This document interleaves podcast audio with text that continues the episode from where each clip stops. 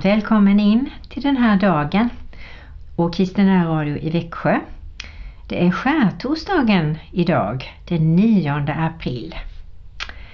Skärtorsdag, det är början verkligen till påsken.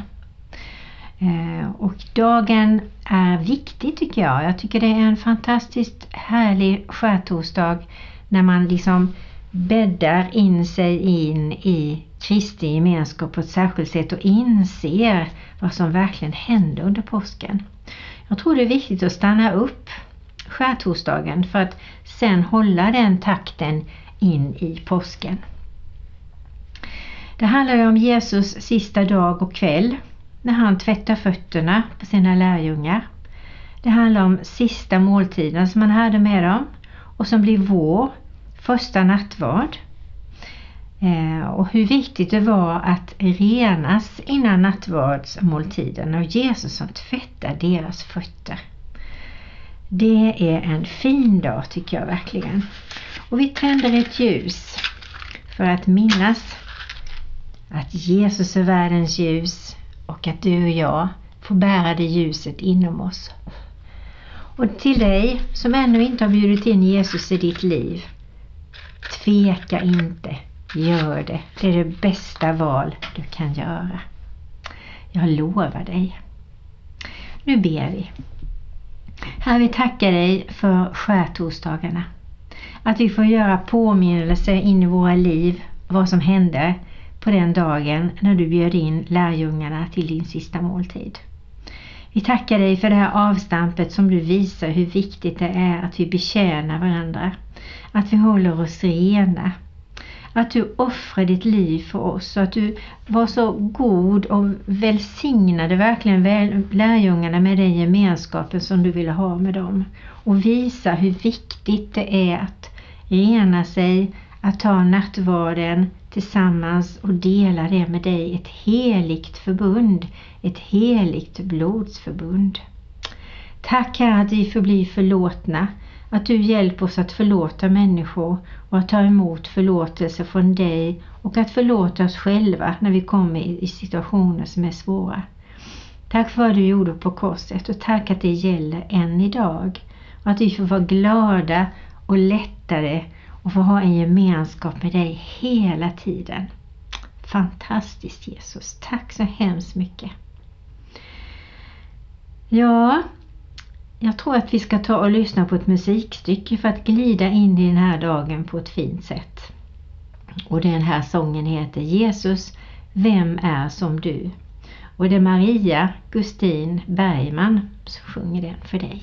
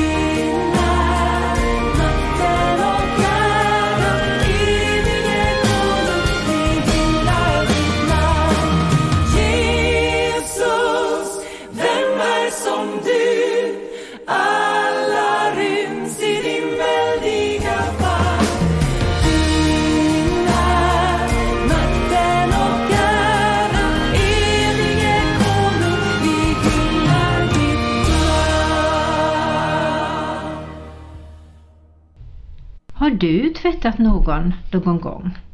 Ja, har du barn så har du säkert tvättat dem många gånger. Om du har någon som du känner som är handikappad eller som är sjuk och svag och har tvättat den så vet du också hur du känner. Men har du själv varit sjuk och svag och någon annan har tvättat dig? Hur kändes det? Och då tänker jag, hur viktigt var det inte hur de händerna tvättade dig? Att du var i kärlek, försiktigt och noggrant och fint. Jag har tvättat andra människors fötter. Naturligtvis mina barn har jag tvättat och jag har även tvättat eh, några stycken i en församling som jag var med i som heter KDI. Så hade vi en stund när vi tvättade varandras fötter innan nattvarden.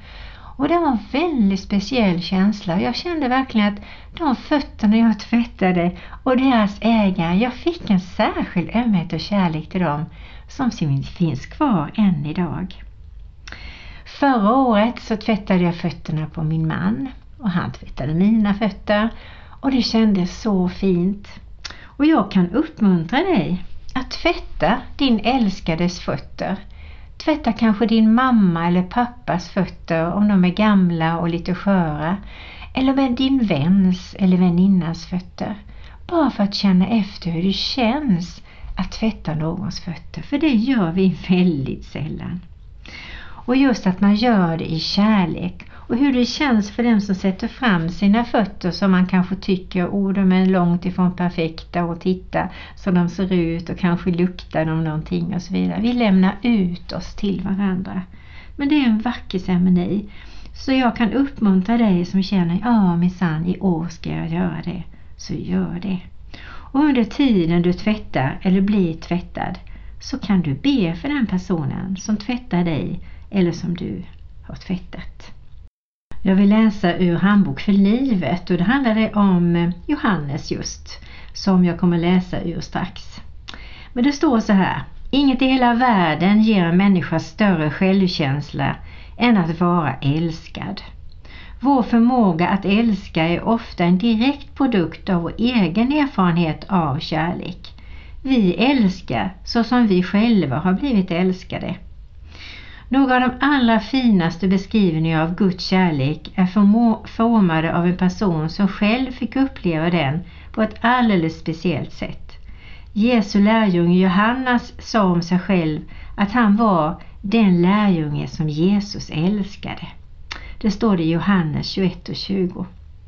Jesu kärlek finns klart uttalad i alla evangelierna men i Johannes har en central betydelse eftersom hans egen erfarenhet av Jesu kärlek var så stark och personlig så var Johannes särskilt uppmärksam på de ord och handlingar av Jesus som visar hur han som av kärlek uttryckte den. Ja, och sen står det här också att Jesus kommer var och en av oss till mötes på samma sätt som han mötte Johannes. Vi kan inte förstå djupet i Jesu kärlek om vi inte är villiga att inse att han ser rakt igenom oss. Annars lurar vi oss att tro att han älskar den person som vi låtsas vara och inte den syndare som faktiskt finns i oss där inne. Johannes och alla de andra lärjungarna bör kunna övertyga oss om att Gud kan och vill ta emot oss precis sådana som du och jag är. Med accepterandet av Guds kärlek kom också en längtan efter en förvandling. Vi får inte Guds kärlek på grund av våra egna prestationer utan den frigör oss så vi verkligen kan leva och uträtta något. Så har du tagit emot den kärleken? Det är ju frågan som jag ställer till dig och uppmuntrar dig till att ta. Men nu läser jag om skärtorsdagen här i Johannes brev. Och det handlar om att Jesus undervisar lärjungarna och tvättar deras fötter. Det står i Johannes 13. Det var kvällen före påskhögtiden och Jesus visste att den kommande natten skulle bli hans sista på jorden innan han återvände till Fadern. Redan under kvällsmåltiden hade djävulen intalat Judas Iskariot, Simons son, att det var rätt kväll att fullfölja planerna att förråda Jesus. Jesus visste att Fadern hade gett honom allt och att han hade kommit ifrån Gud och skulle återvända till Gud. Han reste sig nu från bordet, tog av sig manteln och virade en handduk om sig. Sedan hällde han vatten i ett handfat och började tvätta lärjungarnas fötter och torka dem med handduken. När han kom till Petrus så sa Petrus, Herre, inte ska du tvätta mina fötter. Jesus svarade, du förstår ännu inte vad jag gör, men en dag ska du förstå det. Nej, protesterade Petrus. Eh, aldrig någonsin ska du tvätta mina fötter. Men om jag inte gör det så kan du inte vara min lärjunge, svarade Jesus. Då ropade eh, Petrus. Tvätta då inte bara mina fötter utan också händerna och huvudet. Jesus svarade. Den som har badat behöver bara få sina fötter tvättade för att vara fullständigt ren. Nu är ni rena, men det gäller inte er alla. Jesus visste nämligen vem som skulle förråda honom. Det var det han menade när han sa att de inte alla var rena. När han hade tvättat deras fötter tog han på sig manteln igen och satte sig ner och frågade Förstår ni vad jag har gjort? Ni kallar mig mästare och herre och ni gör rätt i att säga det för det är sant. Och eftersom jag, Herren och läraren, har tvättat era fötter så är ni skyldiga att tvätta varandras fötter. Då får ni lyssna på Heliga händer med Johan Stensgård och Hasse Hellström.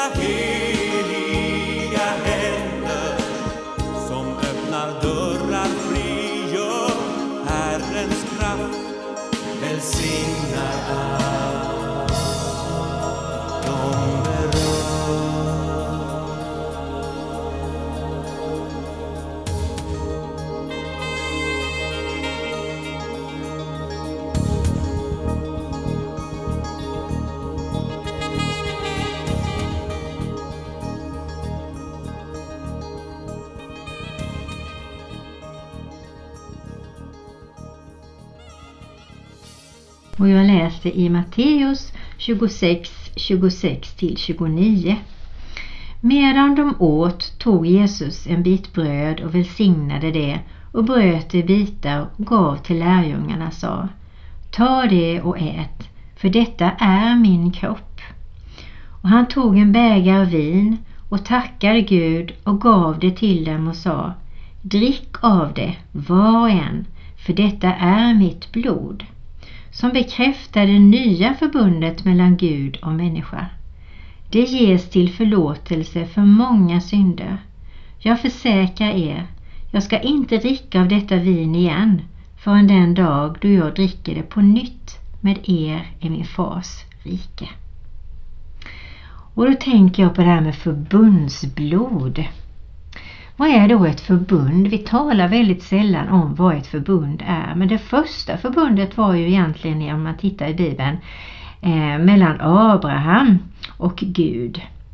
Eh, och då står det så här Gud sa, och jag ska upprätta ett förbund mellan dig och mig och din säd efter dig från släkte till släkte. Ett evigt förbund. Och vi är med i den säden. Och det andra förbundet är just detta. Och han, Jesus, tog en kalk och tackade Gud och gav åt dem och sa Drick här av alla, ty detta är mitt blod, förbundsblodet, som blir utgjutet för många till syndernas förlåtelse. Och jag tycker det är så viktigt det här med syndabekännelse innan vi tar nattvarden. Sen finns det ju många synder också som vi kanske inte ens vet om eller vi tänker på eller som vi har glömt. Så när vi ändå har bekänt de synder vi är medvetna om eller har frågat heligande vad är det som stör relationen mellan dig och mig? Jag vill, jag vill ta nattvarden alldeles ren.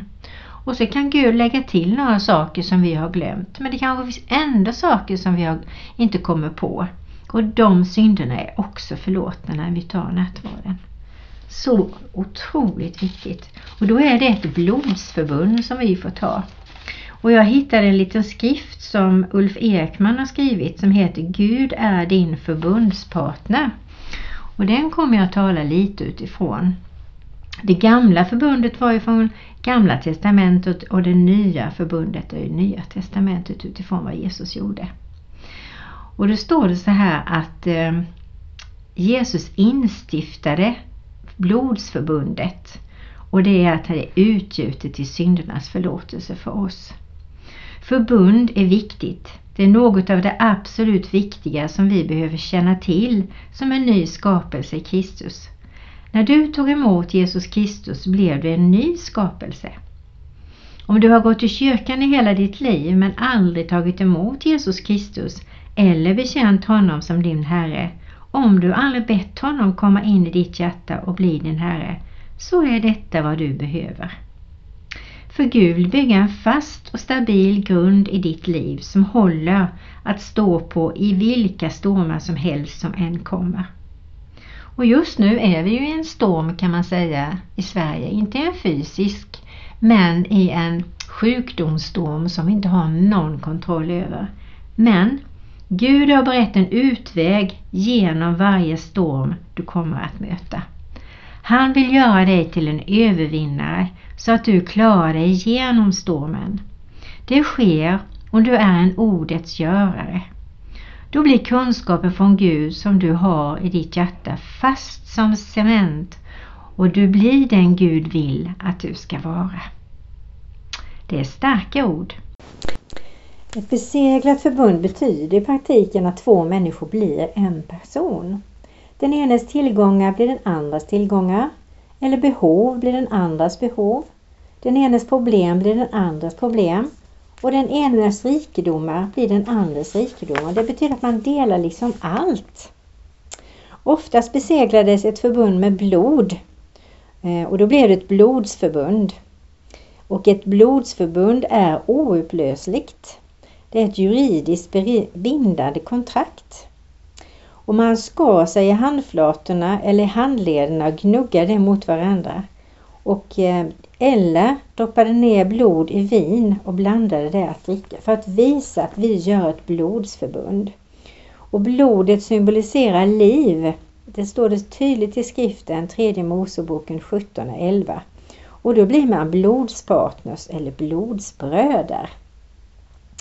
Och nu ska du få lyssna på en sång som heter Nu är vi ett i Kristus. Och det är gemenskap som sjunger den för dig. Och förstå nu att vi är blodsbröder med dem som vi tar eh, eh, brödbrytelsen och nattvarden tillsammans med Jesus. Då är vi ett tillsammans.